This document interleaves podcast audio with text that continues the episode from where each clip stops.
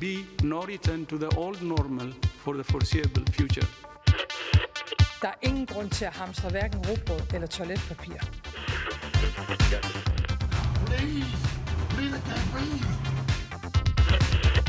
No politician in history has been treated worse. To use this beautiful game to actually change the world. поблагодарить всех, кто сделал свой ответственный выбор.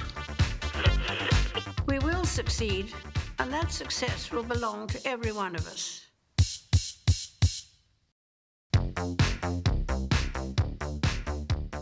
Góðan dag, kæru hlustendur, þeir eru að hlusta á heimskviður. Ég heiti Guðmundur Björn Þorbjörnsson.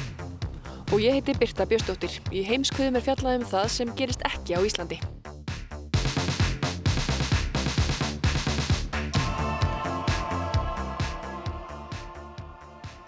Þriðja kórunverubilgjan stendur sem hæst hér á landi og eins og þið kannski heyrið hlustendur góðir þá stöndum við Birta hér undir húsvegg og tökum upp þennan 49. þátt af heimskviðum.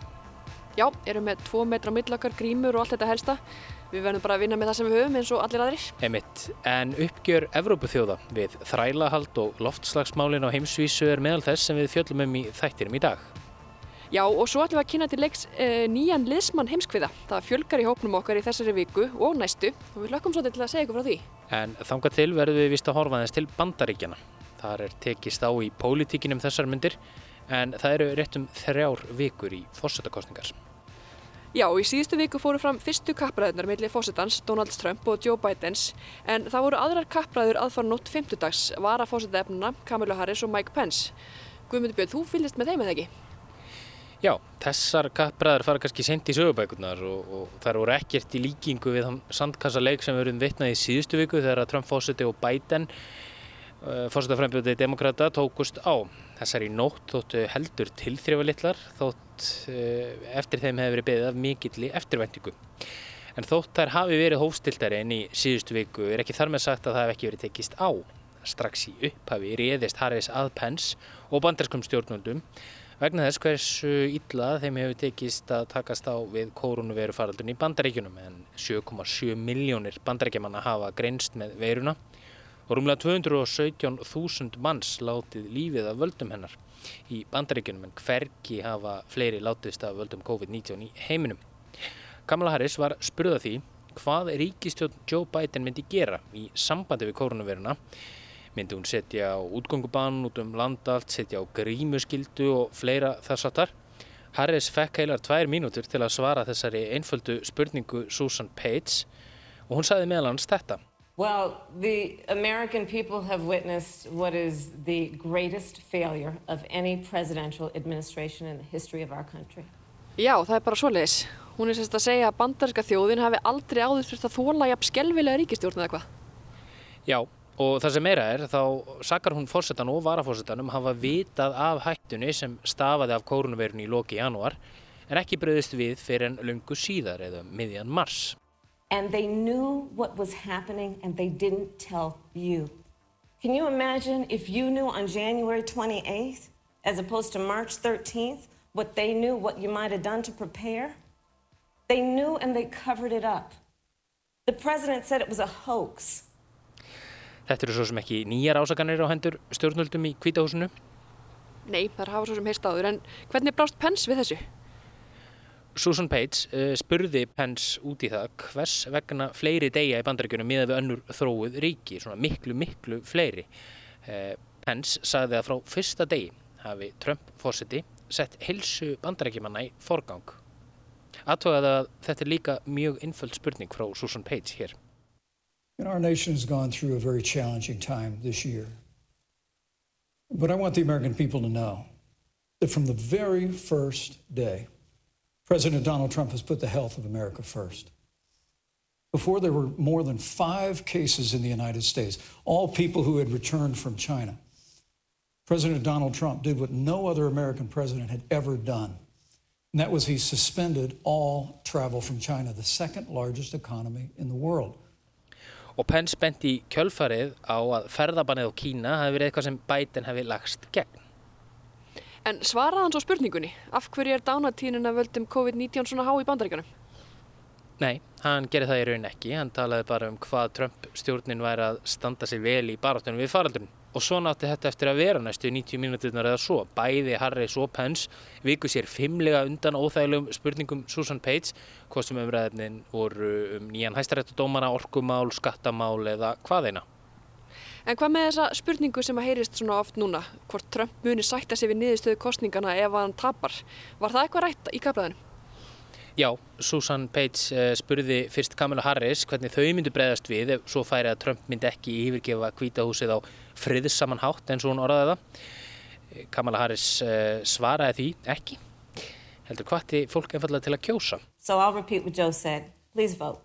Svo mörg voru þau orð, en þegar Page spurði Pence hvað hann held að myndi gerast, uh, sagði hann einfallega, hann væri bara einfallega handviss um það að hann og Trump myndu vinna kostningarnar og beindi svo máli sínu að Kamalu Harris og bendi á að demokrater hafi sjálfur ekki sætt sig við niðurstur síðustu kostninga og vísaði þar meðal annars til rannsóknar demokrata á myndum embættisklöpum, fósettans og fleira. When you talk about accepting the outcome of the election, um, I, I must tell you, uh, Senator, your party has spent the last three and a half years trying to overturn the results of the last election. Ég skil, hann svaraði þessari spurningu ekki heldur.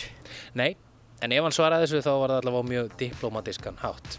En í raun og veru þá skipti spurningin hann ekki máli því að republikanar eru hvort sem er að fara að vinna og það örglega í þessum kostningum að mati Mike Pence.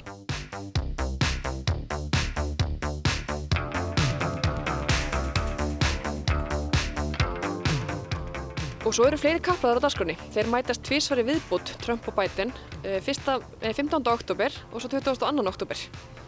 Mætast, já, en þeir hittast reyndar ekki, allavega ekki í byli. Frá því að greinti í gærað næstu kapraður, þann 15. oktober, fara fram í gegnum fjárfundarbúnað.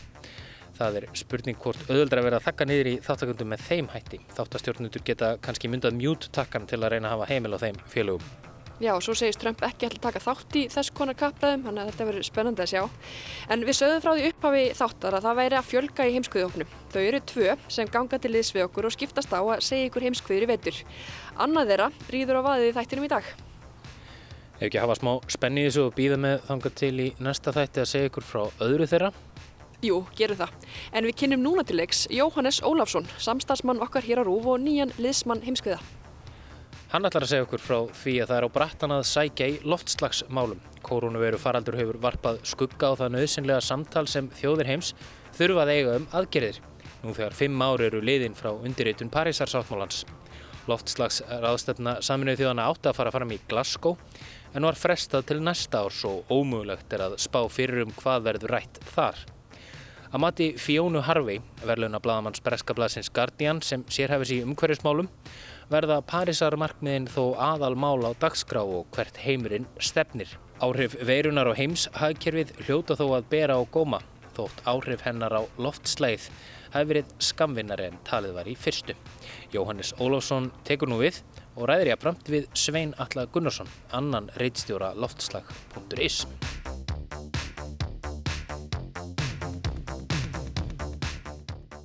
Vice President Gore on the environment. In your 1992 book, you said, quote, we must make the rescue of our environment the central organizing principle for civilization, and there must be a wrenching transformation to save the planet. Do you still feel that way? I do. I think that in this 21st century, we will soon uh, uh, see the consequences of uh, what's called global warming. Hér heyrum við brot úr öðrum fórsetta-kappræðum í bandaríkjónum árið 2000. Frambjóðandi demokrataflokksins Al Gore var að fórsetti í ríkistjórn Bills Clintons er til svara. Stjórnandi kvöldsins, Jim Lehrer, spyr Gore hvort hann haldi því enn fram eins og hann gerði í bóksinni frá árunni 1992 að umhverfismálinn ætti að vera á otti stjórnmálana. Gore svarar því játandi og vísar strax í rannsóknir lofslagsvísindamanna á norður og söður heimskautinu. Þetta ætti að hafa í huga þegar að stjórnmálamenn taka ákvarðanir. George Töfaldorf Bush, þá ríkistjóri í Texas og frambjöðandi republikana, var líka spurður út í þetta og svaraði að það ætti að taka þetta alvarlega. Ekki væri þó fast í hendi hvaða lausnir stæðu til bóða og yfir höfuð hvað ylli nattrætni hlínun. I think it's an issue that we need to take very seriously, but I don't think we know the solution to global warming yet. And I don't think we've got all the facts before we make decisions. I disagree that we don't know the, the cause. Í þau 20 ár sem liðin eru frá þessum kappræðum hafa fórsetta frambjóðandur í bandaríkjónum ekki verið spurðir reynd út í afstöðu sína til lofslagsbreytinga eða hugsanlegra aðgerða til að spórna við þeim. Það var ekki fyrir enn 29. september síðastliðin að Chris Wallace gerði það umtalsefni í fyrstu kappræðum ásins 2020 milli Donald Trumps og Joe Bidens. I'd like to talk about climate change. So would I. Over your four years, you have pulled the U.S. out of the Paris Climate Accord. You have rolled back a number of Obama environmental records. What do you believe about the science of climate change, and what will you do in the next four years to confront it? I want crystal clean water and air. I want beautiful, clean air. We have now the lowest carbon. If you look at our numbers right now, we are doing phenomenally. Fórsetakappræðunar í bandaríkjunum í síðustu viku voru aðtiklisverðar, svo vægt sé til orða tekið. Af þeim 90 mínútum sem fóru í framíköll og fúkirðakast var 10 mínútum undir lokin varði í að ræða lofslagsbreytingar og þá aðstæðjandi hættu sem af þeim stafar. Þessar tíu mínútur þykja reyndar ekki merkilegar röggræður þegar kemur að þessum málaflokki fyrir utan það að þetta er í fyrsta sinn í 20 ár sem málaflokkurinn kemst að hjá Spyrli. Og í kjölfarið er kannski verðt að spyrja hvers vegna.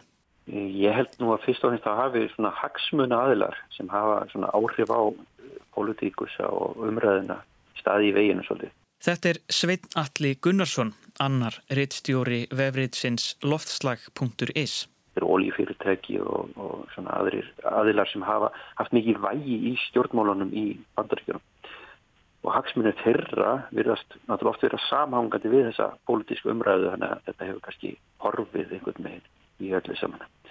Að væri staðan náttúrulega allt önnur ef málinn hefur komist á daska fyrr og af krafti en það, já, svona er það nú bara eins og þetta er og við erum að taka því. Uh, ég held meðalans að Al Gore, veist, það var náttúrulega 20 ár síðan að hann tapaði kostningunum, það hefur kannski kostað okkur einhver ár og það, er, það eru svo, svo margir sérhagsmunir sem troppa almenna hagsmunni og þá er erfitt að fá þessi máli farsanlega farfi. Þessi ólífyrirtæki þau hafa bara of, haft of mikið að segja um umræðinu almennt. Já, ítökin eru mikil og hafa hugsanlega valdið 20 ára þögn um loftslagsmál í kappræðum Vestanhafs. En þögnin er ekki góður speill á það sem gerst hefur á þessum árum.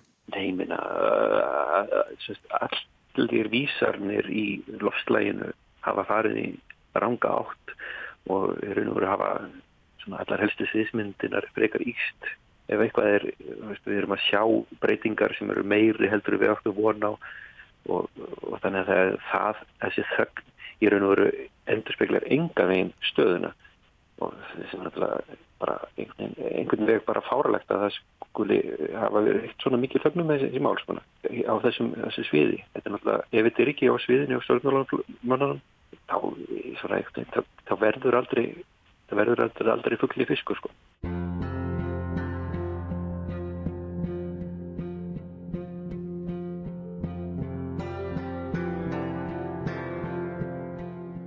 Það er á brattan að sækja í loftslagsmálum. Koronaveiru faraldur hefur sett allt úr skorðum og öll alþjóðleg umræða snýst með einum eða öðrum hætti um áhrif hans, bæði til langs og skams tíma. Veiran hefur hægt á gangi heimsins ef svo má segja, viðskipti og samgöngur hafa tekið miklum breytingum sem hefur leitt til minni kólefnislosunar á heimsvísu. Fjallað var ítarlega um áhrif COVID-19 á loftslægið hér í heimskviðum í vor þegar Bergljótt Baldurstóttir fréttamaður fór yfir stöðuna með þeim Þorstinni Jóhansinni, Aroni Bernstein og Vilhjálmi Svansinni. En það vakna vissulega spurningar um framhaldið, hvernig verður umræðum háttað á næstu mánuðum og eru áhrif veirunar á loftslagsbreytingar varanlegar. Lofslagsbreytingum sjálfum verður í það minsta ekki slegið á frest þótt margt annað hafi þurft að býða betri tíma.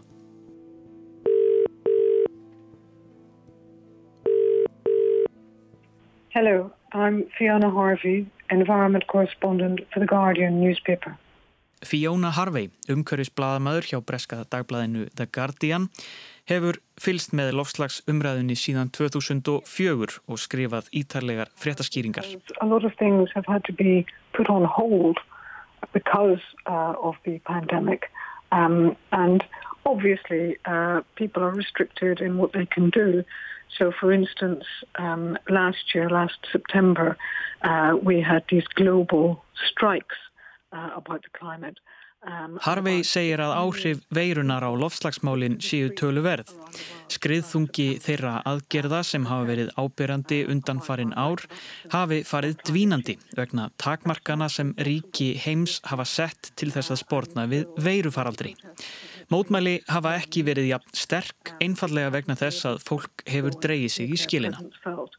Other, uh, other things that, that, that go on at a governmental level um, have had to be postponed um, or have been more muted as well.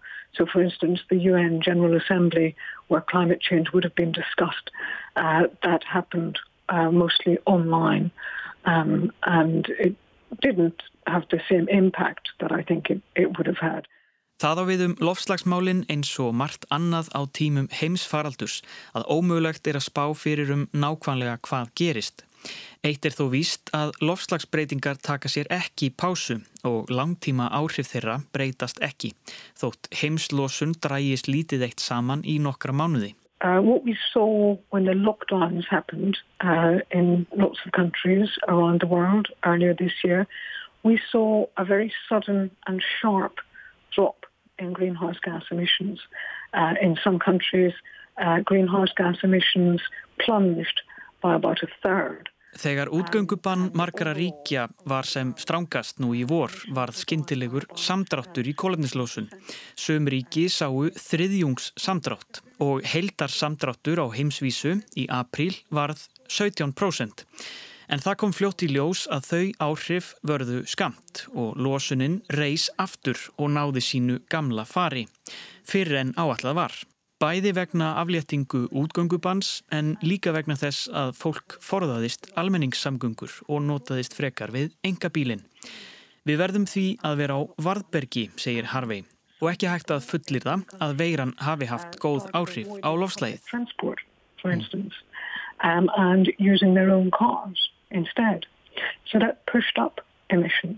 So we mustn't think that the impact of the pandemic uh, has been benign uh, on the climate. Um, even though emissions did drop for a period, they have gone back up and they may go back up further if we aren't careful about how we recover. We have a lot of choices about how we recover from the pandemic and we must make wise choices. Það er ekki sjálfgefið þessi efnahagslegu kvatar sem við verðum að nota núna til að taka á COVID síðan endilega í takt við þar lausnir sem við viljum við hafa varðandi loftslagsvandan það er ekki? Veist, uh, að vega samgöngubætur og fleira og byggingar og annað það er ekki endilega vist að það sé í takti við það sem við viljum sjá í framtíðinni. En, en meina, þetta er kannski það er bara hluti af stóra dæminu en við horfum okkar getur samt sem að það breyst sem er kannski, kannski aðmálið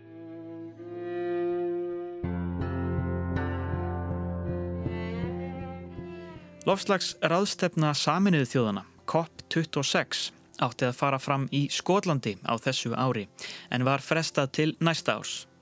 Mikið hefur verið talað um að ráðstefnan sé ítla undirbúin af stjórnvöldum og nú er stóra spurningin hvað stjórnvöld ætlað ræða. Síðasta ráðstefna, COP25, sem haldin var í Madrid á Spáni í lok síðasta árs, var vonbriði. Að minnstakosti að mati Antonius Guterres, framkvæmda stjóra saminuðu þjóðana. Guterres sagði að tækifærin til að takast á við lofslagsvána væru glötuð. Erfitt er að álekta sem svo að von hafi kveiknað í millitíðinni. I think the pandemic will certainly be on the agenda because we will still be coping, hopefully, with the after effects uh, mm. by then. Um, but you know, we'll see how things go. Um, But the main topic on the agenda will be how to fulfill the aims of the Paris Agreement of 2015.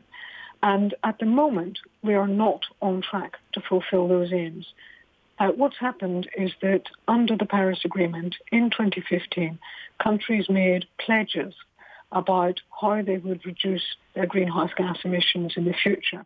Heimsfaraldurinn verður til umræðu á COP26 að mati Harvey. En aðalmálið á dagskrá verður Parísarsáttmólin og markmið hans. Harvey bendir þó á að eins og staðan er núna stefnum við ekki í rétta átt. Það er skuldbindingar sem þjóðir heims settu sér eru einfallega ekki nægilega góðar. Ef engöngu er þið farið eftir þeim missum við tökin á lofslagsbreytingunum. Markmiðið er innan við tvær gráður, helst einu og halva. Það er ekki að fara að gerast. Þá þarf því að setja enn strángar í markmið. Sumar þjóðir hafa þó gert það. Kína hefur sett markmiðið hátt að hámark kólefnislosunar verði nú í ár og að ríkið nái kólefnis hlutleysi árið 2060. Það eru stór orð frá stærsta mengunarvaldi heims. Evrópusambandsríki hafa sömulegis sagst ætla að draga samtals úrlosun um að minnstakosti 55% árið 2030. Eitt áberandi land vantar á þennan lista. Bandaríkin eru annar stærsti losunarvaldur heims og ríkistjórn Trumps eins og þegar er vitað ætlar út úr Parísarsáttmálan. You will notice that there's, um, there's one uh, very notable country missing from this list um, and that's the United States. Um, it's the second biggest emitter of greenhouse gases in the world um, and instead of committing to tougher targets under the Paris Agreement. Under, under Donald Trump, uh, the United States is set to actually withdraw from the Paris Agreement. And so if that happens, then that would be, uh, well, it would be very dangerous to the world's climate. Harvey byrti grein í Guardian í byrjun þessa mánadar sem fjallar um leynilegar viðræður milli ólíufyrirtækja á borfið BP og Shell og breskra stjórnvalda í þeirri von að koma fyrirtækjunum að ráðstefnunni sem styrtar aðilum. Rökin fyrir þessu að mati skipulegjenda COP26 eru að þeir sem vilja breyta til betri vegar þegar kemur að umhverjusmálum og stefna í átt að kólefnis hlutleysi ætti að fá tækifæri til að koma að borðinu. Shell lísti því yfir fyrr á árinu að árið 2050 og jafnvel fyrr stefni fyrirtækið á að vera orðið kólefnis hlutlaust með viðsnúningi á orkustefnusinni. Sveipaða sögu er að segja um BP. Uh, Oljufyrirtækin í mínum hefur verið bara andlið séraksmuna og það var náttúrulega barist á móti öllum losunatakmörkuðum í ára tví og í mínum hefur verið það bara hálf kjánlegt ef þau eiga verða einhvers konar styrtaraðilar kopp Persónulega held ég að þetta getur orðið sjálfsmark hjá þeim en þetta má ekki vann með þetta styrk þeirra á áhrif en það ber náttúrulega mikla ábyrð á þeim töfum sem hafa orðið á og bara að því að tökum á þessum vanda. Það er bara svo leiðist. Mér finnst þetta svona, þetta er í mínum huga fjarlegur möguleiki kannski bara ómöguleiki svona eins og að hafa síkarötu auðlýsingar á olimpíuleikum þetta er einhvers konar græntóttur og, og kannski kannski ágætt að þessu komin með þá hugsun að þau verði að gera það einhvern veginn fyrir rest en, en ég, ég hefaði alltaf grunnið um að þetta sé aðalega til að tefja. Þetta hafa aðgerða sinnar gaggrínt og benda á að viða sé pottur brotin í undirbúningir ástefnunar. Fyrirtæki sem hagnist á vinslu jarðefna elsneita ættu ekki að fá að nýta þetta tækifæri til þess að grænþó ímynd sína. En það er ekkert nýtt og ekkert óvenjulegt að mati Fíónu Harvey að kopp ráðstefnur hafi styrtar aðila. Það sem sé aftur á móti sláandi er að óljufyrirtæki ætli að reyna að leika stórt hlutverk. And, and uh, has uh, sponsors and commercial interests represented in one way or another. Um, so that's not unusual. Um, but what was striking um, was that these oil companies um, are determined to play a big role um, in a big public role in COP26, and they want to find ways to do so. In one way, um, that's a necessary thing because uh, oil companies will need to change massively if we are going to meet climate change targets. Uh, but in other ways, it's a rather odd thing because a lot of oil companies Fyrirtækin munu þurfa að gera þær breytingar sem þau hafa lofað um samdrátt losunar til þess að ná stóru markmiðunum. En oft eru fjárfestingar í endur nýjanlegri orkuþróun sem fyrirtækin segjast vera að gera aðeins brot af heildarmyndinni. Restinn fer ég að finna meira jarðefna elsneiti. Og það þarf að draga þau til ábyrðar að mati Harvey. On renewable energy, when in fact renewable energy is a tiny part of their operations and they're putting a great deal more time and energy and money into extracting fossil fuels which are producing emissions than they are to reducing emissions through renewable energy. So we need certainly to hold these companies to account. Við náttúrulega hljótum að halda áfram að reyna að byggja á parasjálfsáttmálunum og að sjá hvernig við náum að bara þeim markmiðum sem þeir þar eru. Erum náttúrulega eins og staðin er í dag sko, þá er náttúrulega ekki verið að þó að sé einhverju vilirði um mingandi losunum stjórnvöldum þá, þá, þá, þá er það ekki það er ekkert sem er komið endilega á, á lengra en á blað sko. þessi, þessi kopp þeir hafa nú verið svona hálfgert svona flopp aftur og aftur þannig að vendingar mínar eru kannski ekki endilega stórar þegar það kemur að, að þeim en og alls smá skrefi í rétt átt verða vantilega að tala um stór sigur stöður en við skulum vona samt að verði meira en það. Það þarf auðvitað að halda áfram að berja á þessum bara núverandi markmiðum og þjóðunar þurfa átt að sjá því það er enn langt í land. Bara tóni bara er ekki lókið langt frá því. Ljóst er að þjóðir heims þurfa að endurskoða stefnu sína í lofslagsmálum. Markmiðin sem sett voru í París árið 2015 eru einfallega ekki nóg. En hvort það leysist á ráðstefnunu í Skotlandi á næsta ári eða ekki er jafn óljóst og ófyrirsjánlegt og heimsfaraldur.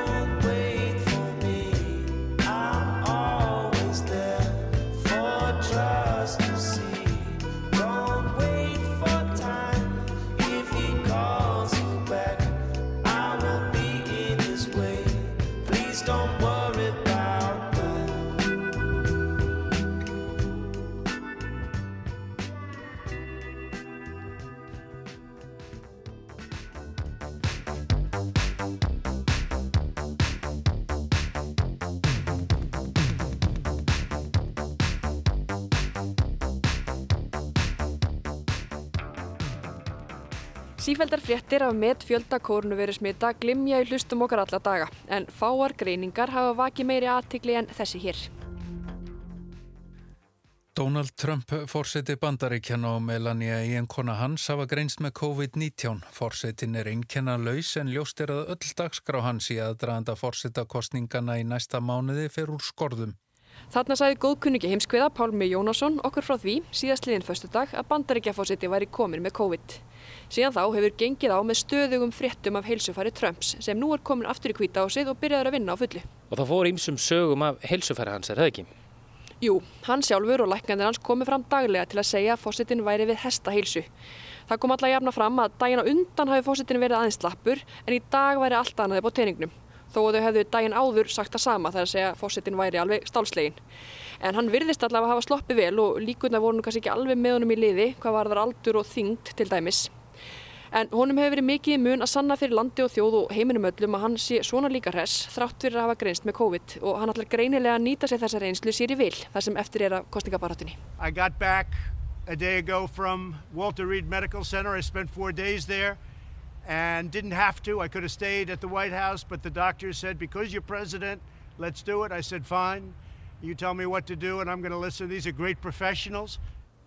Er þetta ávarpinu sem hann byrti í fyrradag? Já, þá byrti hann á Twitter 5 mínútna ávarp þar sem hann fer um mjög víðan völl. Hi, perhaps you recognize me. It's your favorite president. Hann segir frá bataferlinu sínu og hvað læknandir hafa unni mikið kraftaverk og að lifið sem hann hafi fengið hafi virkað eins og kraftaverk. Nú ætla hann að koma því til leiðar að allir bandaríkjaman sem þurfi fáið þetta lif sér að kostnaði lausu. Hann segi bóluefnið sömu leiðis í seilingafjarlæð, hann muni græja þetta allt saman. En það var nú líka smá pólitík í þessu ávarpi, er það ekki? Jújú, jú, heldur betur. Bæði innanlands og milliríkja pólitík. Trump segir að pólitíkin heima standi í vegi fyrir öllu sem hann vilji koma til leiðið til að hefta útbreyslu sjúkdómsins. Og svo er það Kína. It wasn't your fault that this happened. It was China's fault. And China's going to pay a big price what they've done to this country. China's going to pay a big price what they've done to the world. This was China's fault. And just remember that. Þetta er sérst allt Kína að kenna. Þeir eru eftir að fá að kenna á því fyrir að dempa kórnuverunni yfir heimsbyðina. Svo þetta ávarp er sannarlega innlegin í áframhaldandi kostningabaróttu. Já, sama hvort og hvenar kappræðunar næstu fara fram verður kórnuveran eitt af eða kannski aðal kostningamálið. En þótt faraldurinn verði í aðalhutverki er fleira sem kemur líklega til með að hafa áhrif á kostningabortuna, er það ekki? Jújú, jú, það er eitt og annað sem eftir að koma þar til, til dæmis Black Lives Matter. En hvað setur eftir að loknu sögulegu mótmælasumri í bandaríkjónum? Talið er að um 20 miljónir hafi tekið þátt í mótmælum Black Lives Matter reyfingarinnar, en vinsaldir hennar hafa dalað á síðustu mánuðum. En helsta markmiðin áðist þar að segja að vekja aðtikli á kerfisbundnu ofbeldi gegn þeldökkum bandaríkjamönnum. En það var einnig mótmælt í Evrópu þar sem krafist var réttlætis en lítið hefur áunist að sögn belgískrar baráttukonu og stopnanda Black Speaks Back sem stopnu voru til að vekja aðtikli á afleiðingum kynþáttaheikju í Belgíu og Hollandi. Bjarni Pétur Jónsson tekur nú við. Mótmælinn hófust í lok mæi eftir dauða George Floyd og breytust um bandaríkina og ógnar hraða. Í nokkrum borgum var mótmælt í meira en 100 daga í röð, til dæmis í Portland í Oregon. Talið er að mótmálabilgjan hefði aukið við fylgið Joe Bidens en hann hefur valla farið undir 50% í konunum frá því byrjun júni en Trump er verið í kringum 42%. Þá var búistu því að fleiri, þá sérstaklega þeir sem eru dökkir á hörund, greiði atkvæði í kostningunum en áður og það er einnig talið vatn á millu Bidens. Það er við að tala um að spenna milli þjóðfélagshópa í bandaríkjunum hafi sjaldan verið meiri. Mískipting er að aukast og bílmilli ríkra og fátakra brekkar. Það leður að þetta geti leitt til átaka, ekki aðeins í bandaríkjunum og sífælt minna þurfu til þess að sjóði upp úr. En breytist eitthvað í sumar og þessu mikla mótmæla sumri sem er þegar ferða að kenna við Black Lives Matter samtökin. Þau voru stopnuð 2013 til að breyðast við ofbeldi lauruglu gegn þeldökkum en það var skömmuð eftir að Trevon Martin var skotin til bana af lauruglumönnum. Ári síðar kom til hardra mótmála í Ferguson í Missouri eftir að lauruglumenn skutu unglýspiltin Michael Brown til bana. Síðan hafa týjir þeldökra bandrækjamanna fallið í valin við sviðbáðar kringumstæður en viðbröð almennings ekki komist í hálkvisti við þau sem urðu þegar myndband af lauruglumönnum með hniða og hálsi George Floyds fóru eins og eldur í sinu um netheima í mæi á þessu ári.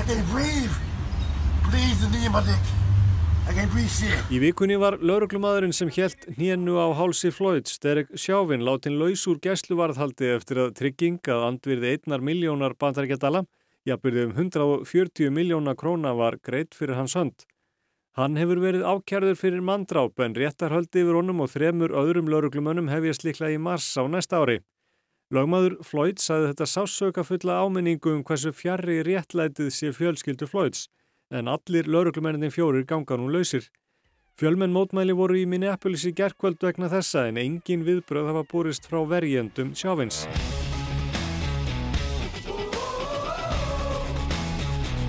Dauði Floyds var fljótlega tákmynd fyrir það sem margir lýsa sem kerfisbundið óbeldi og óréttlæti sem svartir bandaríkjumenn eru beittir. Óréttlætið er engum talið felast í aðstöðumun. Svartir bandrækjumenn hafi ekki sömu tækifæri til að afla sér mentunar og þar með atvinnu og tekna. Tekjur svartra er að jafnaðum 60% af því sem hvítir afla sér og talið er að um þriðjungur ungra manna sem eru dökkir á hörund án atvinnu og þessar tölur hafi lítið breyst í ára tugi. Það þarf því kannski ekki að koma á óvart að svörtum bandrækjumannum finnst þeir ekki standa jafnfætis öðrum, hvort sem það er á vinnumarkaði í dómskerfinu eða innan helbiðiskerfisins. Breytingar hafa verið bóðað lengi og af mörgum en ganga hægt. Bandarækjumenn sem eru dökkir á hörund hefur vegnað vel í fulltrúadeild bandarækjathings en þeir eru nú 52 af 435. En það eru aðeins þrýri í öldungadeildinni og engin ríkistjóri. En vonum breytingar fekk byrjundir báða vangi fyrir rúmum áratug. Hello Chicago! Von Bjartsýni og breytingar voru einhvernar orð Baracks Obama í kostningabaráttunni fyrir fósettakostningarnar 2008. En hverju breytti Obama fyrir stöðu svartra í bandaríkjónum á þeim átta árum sem hann var fósetti? Hann bóðaði miklar breytingar og saði að það sem hefði breyst gæfi fögur fyrirheitum það sem gæti gest. That's the true genius of America. That America can change. Our union can be perfected. And what we've already achieved gives us hope for what we can and must achieve tomorrow. Obama tók við í miðri kreppu árið 2009 og það var því á brattan að sækja til að byrja með. Hann gerði ímsar breytingar, til dæmis í menta og heilbriðismálum sem komu sérstaklega vel þeim hópum sem áttu undir högg að sækja. Undir lok fósettatíðar hans var atvinnuleysi meðal svartra bandaríkjamanna komið í fyrra horf sem það var fyrir fjármálakreppuna en það var ennþá tvöfalt herra en meðal kvítra bandaríkjamanna. Það dróður fátækt, lífslíkur jökust og bylið millir þeirra sem eru dökkir og hörund og kvítra þegar kemur að mentun minkaði jamt og þétt. Þessi þróun hjælt áfram á fyrirluta kjörtíma Bills Donalds Trumps. Atvinnuleysi hjælt áfram að minka og Trump alltaf sagt að engin fórseti hafi gert meira en hann fyrir innflytjendur og bandaríkjaman sem eru dökkir og hörund. I've done more for black Americans than anybody with the possible exception of Abraham Lincoln Nobody has even been close. Efnaðars ástandið eitt og sér hefði líklega duðar Trump til sigurs í kostningunum eftir tæpan mánuð ef heims faraldur hefði ekki skollið á. En mótmælinn höfðu einnig áhrif á fylgi hans, en hann gaggrindi þau oft af horku, sérilegi þegar sögð upp úr með tilherandi skemdarverkum og oft og tíðum mikill í eðilegningu. Sumarið fer líklega í sögubækur vegna mótmálana en það haf ekki svo margir krafist mannréttinda og félagslegs réttlætis frá því á sjönda áratögnum í kröfugöngum undir fórustu Martins Luther King. Eins og fjálmennasta endaði við Lincoln minnismerkið í Washington en talið er árum með að 200.000 hafi hlýtt á ræðu Kings I have a dream um þann draum að eitt daginn nýtu allir sömu réttinda sama hvernig þeir væru að líta. I am happy to join with you today in what will go down in history as the greatest demonstration for freedom in the history of our nation. Martin Luther King var bjart síðan á að breytingar væru handan við hodnið og eftir sumar mótmæla tæki við haust og vetur breytinga frelsis og jafnbrettis. It would be fatal for the nation to overlook the urgency of the moment This sweltering summer of the Negro's legitimate discontent will not pass until that is an invigorating autumn of freedom and equality. 1963 is not an end, but a beginning. Martin Luther King saði atbyrðin árið 1963 aðeins upp af þeirra breytinga sem væru fyrir höndum og það breytist ansi margt á sjönda áratögnum. Mannréttindalög sem tryggðu svörtum aukin réttindi, The Civil Rights Act, tóku gildi ári síðan 1964 en eitt af helstu markmiðum þeirra var að koma í veg fyrir kynþáttamisrétti. Síðar sama ár hlaut Martin Luther King fríðavelun Nobel sem kom eflaust einhverjum spánst fyrir sjónir því aðgerðir Kings og áherslur sem voru fríðsamlegar urðu ekki til þess að auka á fríðin millir þjóðfélagsópa því það var megin markmið Kings að vinna gegn samfélagslegu óreittlæti sem olli átökum og enn virðist eima af kerfislegri kynþáttækju. One day when the glory comes it will be ours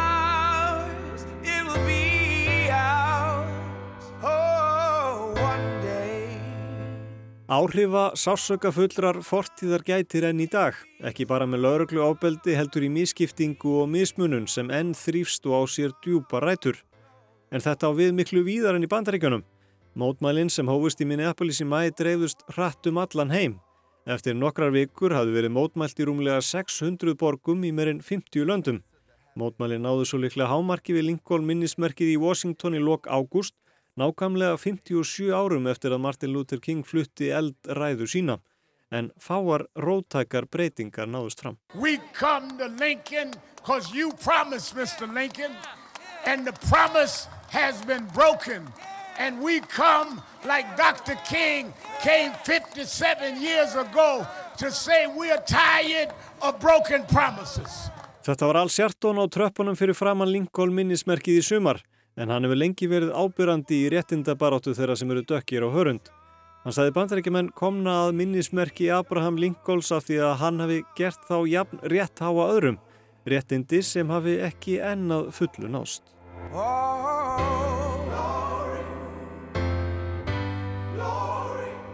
Og það er miklu víðar enn í bandaríkjunum sem þeim sem eru dökkir á hörund finnst fjarrriði að þeir njóti sömu réttinda og aðrir.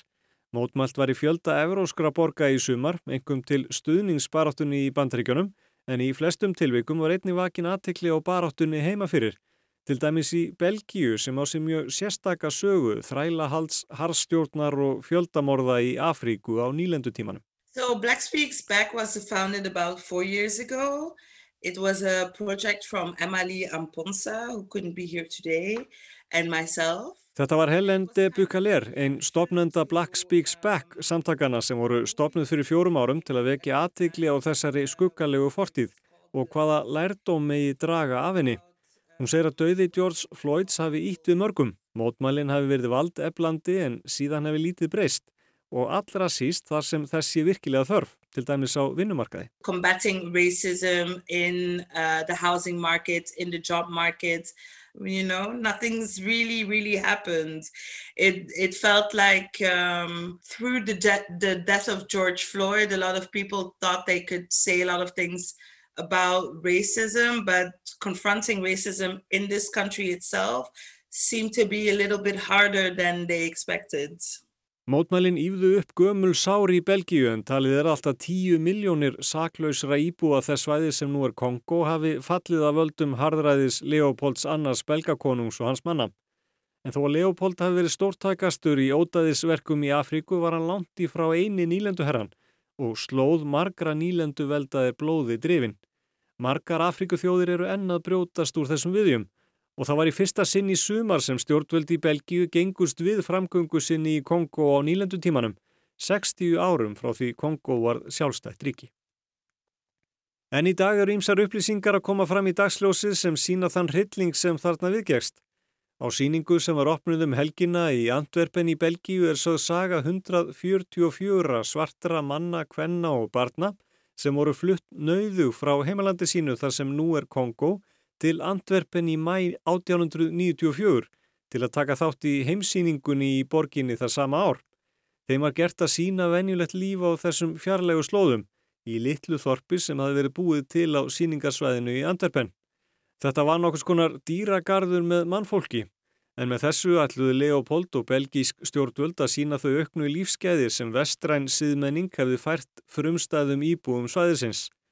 Minst átt áur hópnum letu lífið strax fyrstu dagana sem þau döldu í Antwerpen, aðalega vegna sjúkdóma sem ekki þekktust í heimalandinu, lúnabólka og mislingar. Þau voru öll grafinn í fjöldagröfum en upp þeirra byrtast í fyrsta sinn á síningunni. Fyrir örfáum árum voru líkin flutt í merta grafreiti og borgar yfirvöldi í Antwerpen vinna nú að því að gera minningu þeirra skil á ekkert nátt í borginni og þar eru stittur eitt af því sem er til skoðunar. En stittur voru einmitt í líki hlutverki í mótmælanum í sumar. Gamlir nýlendu herrar fengu ímist að fjúka, málingu skvett á þá eða skemdarverkunnin. Kveikt var í stittu að Leopold öðrum í Antwerpen sem borgar yfirvöld fjarlægðu stuttu síðar. Málingu var slett á stittur af Leopold í Gent og Ostend og skemdir unnar á stittun í miðborg Brussel, fæðingarborg Leopolds en hún stendur enn. Mart umt fólk vissi fyrst af tilvist þessa manns og ótaðisverka hans í sumar. Helen segir einfalda skýringu á því. Saga þessa fólks og saga nýlendu tíma belga séu alla kent í skólum. I myself am a history graduate and I received very, very little education when it comes to colonial history and even if we were... Hún lærði sjálf sagfræði og segir að það litla sem hafi verið kent hafi verið hluti af heimsögunni en ekki sögu Belgíu. Þeir sem hafi komið til Brussel dáist að breyðstrætonum og byggingastílnum í miðborginni en viti ekki að það voru líklega fjármunir sem eru til í Kongo sem gerðu þetta allt kleift. So, you know, discussing these, these legacies is a little bit more um, intricate than just saying, oh yeah, it just happened and it's part of African's history. No, it's part of Belgian's history as well. So I think that's something that was uh, sorely forgotten in education. Helen segir að mótmælin í sumar hafi ekki skilið mikið eftir sig en í þeim hafi falist einhvers konar hreinsun fyrir þá sem eru dökkir á hörund. Að geta sagt frá upplifun sinni og stöðu í Evrópu dagsins í dag. When I look back, actually very little was accomplished. I mean, I think the big protest was more a moment of catharsis, of collect collective catharsis for a lot of black people in, in Belgium, being seen, being heard. Það hafi þó tekist að koma þessum málum á kortið og nú taki við að vinna úr sögu Belgíu og sirkja þessa sögu, bæði svartir og hvítir.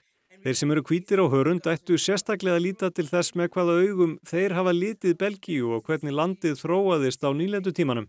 Það sama í viðum til dæmis Frakland og Bretland. Í þessum ríkjum hafi verið búin til nokkus konar góðsögn um leiðtoga upplýsingarinnar og líðræðisins en það er sjálfnast rætt um sögu nýlendustefnunar. Þar þurfi einhvers konar uppgjör til að tryggja öllum óháð lítarhætti bjartari í framtíð. We have um, in Europe created a myth, a narrative around who we are, you know, leaders of the Enlightenment, leaders of democracy. And that whole history of uh, colonialism doesn't fit in there. So people don't want to engage with that question really. So I think people need to accept and grieve, um, grieve who they thought they were. And maybe then we can move on to something better for everyone else.